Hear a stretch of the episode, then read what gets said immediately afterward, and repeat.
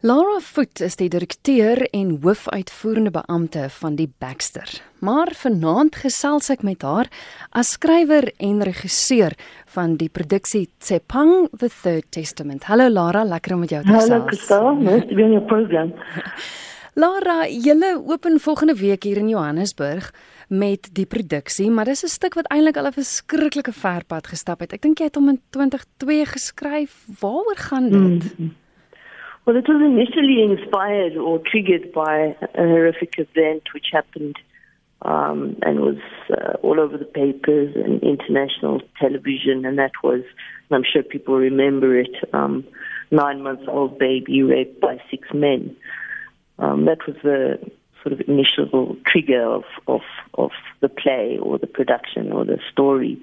But essentially, after that, after that story came out, the story of Baby Tshepang, um, several other stories hit the headlines about infant rape, and um, it was something that uh, I just couldn't, you know, understand or comprehend. Mm. Um, at, the, at the same time, I had a, a baby girl of the same age, and I suppose I just didn't have the skin.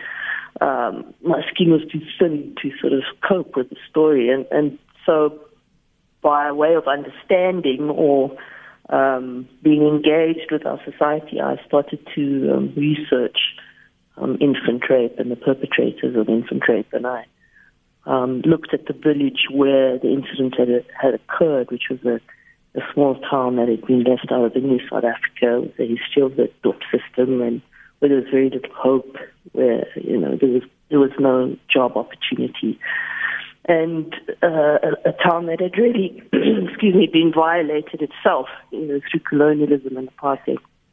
And I started to work on a story um, told by a, a, character called Simon, played by Mncedisi Shabangu, um, of uh, a man who comes from that village who really wants to understand what happened to this child and who takes care of the child's mother and really a love story between the two of them, but also um, engaging in in accountability and violation and understanding those those two topics. Mm. So um, it's a story that you know that was uh, it's called Tshepang. It's based on twenty thousand true stories, which was you know the statistics of infant rape at the time, not infant rape, but child rape at the mm. time. Soos ek hmm. verstaan was die gehore byna nie daar jare terug nie. Ek meen die, die teaters was nie vol nie, want tussen is Tsepang gesien gewees in Duitsland, Switserland, New York, jy was Edinburgh toe, hmm. Londen, hmm. Brisbane, Stockholm, Amsterdam. Hoe, hoe het die gehore verander oor die jare? Want want hy's nou vol. As hy nou speel, is die teaters ja. vol. Yeah, I mean, we started off with tiny audiences, you know, people people didn't want to see a, a play about about that.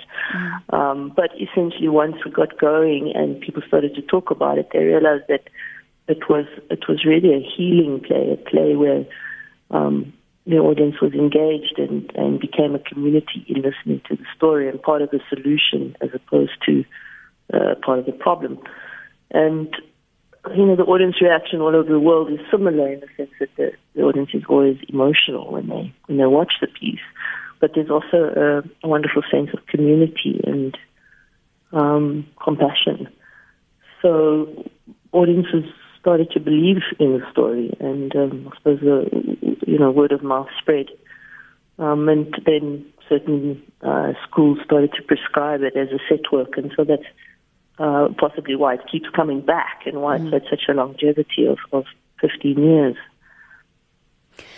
Hmm. Gehore het nou die wonderlike voorreg om die oorspronklike akteurs wat jare terug daarin hmm. gespeel het weer op die verhoog te sien. As mens kyk na na die jare, ek meen hulle het ook ouer geword, wyser geword, die lewe beleef. Hmm. Doen hulle dit nou heelwat anders? Hmm. Well, I mean, um, the original actress is is not in this production. She Kwaba was the original, but mm. Constance Didi is uh, in this production, which has uh, run for several years, probably seven or eight years. But the uh, the actor Mncedisi Shabangu, who's a storyteller, uh, has been in the play from from the beginning and helped create the play. And he and I made a pact that you know we would tell the story and do the play as long as people wanted to hear it. And um, you know, he's an extraordinary actor and storyteller, and he connects with the audience, and I have enormous empathy for him. And um, I suppose as he's got older, he's, he's you know becomes a better actor, and he's uh, has more life experience to bring to the story. But the the play is essentially still still exactly the same. Dit is ook 'n absolute visuele skouspel. Uh vertel mm. gou, wat gaan voel kan gehore verwag?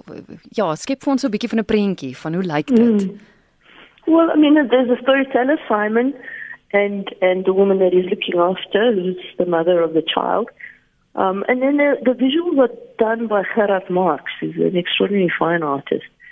And um, so there's a very uh, visceral, sensual feeling when, when watching it. It's very poetic. Um, the objects are beautifully crafted, and um, you know there's a poetry. So so it's quite an extraordinary theatre piece in the sense that it combines visual art with um, with storytelling. Um, so, and, and always the audience is just riveted, and I, I, suspect it's partly to do with the story, but very much to do with the storyteller who's just so enigmatic. Hmm. Ek gaan nou vir die luisteraars vertel presies waar hulle kan gaan kyk. Baie dankie vir die gesels en baie dankie vir die wonderlike werk wat jy doen vir Thank ons gehoor. Dankie. As Laura Foot met wie ek gesels het, sy is vanaand in die hoedanigheid as skrywer en regisseur op die program, maar sy is ook die hoofuitvoerende beampte en ook direkteur van die Baxter daar in Kaapstad. Nou Tsepang is te sien van die 16de Oktober tot en met die 27ste Oktober, nee, die 28ste Oktober. So dis van die 16de Oktober tot die 28ste Oktober en dit is by die Fringe Theater, dis by Joburg Theatre. So kyk gerus of jy 'n draai daar kan maak en kaartjies kan bespreek word by webtickets of jy kan ook 'n draai gaan maak op die webwerf www.joburgtheatre.com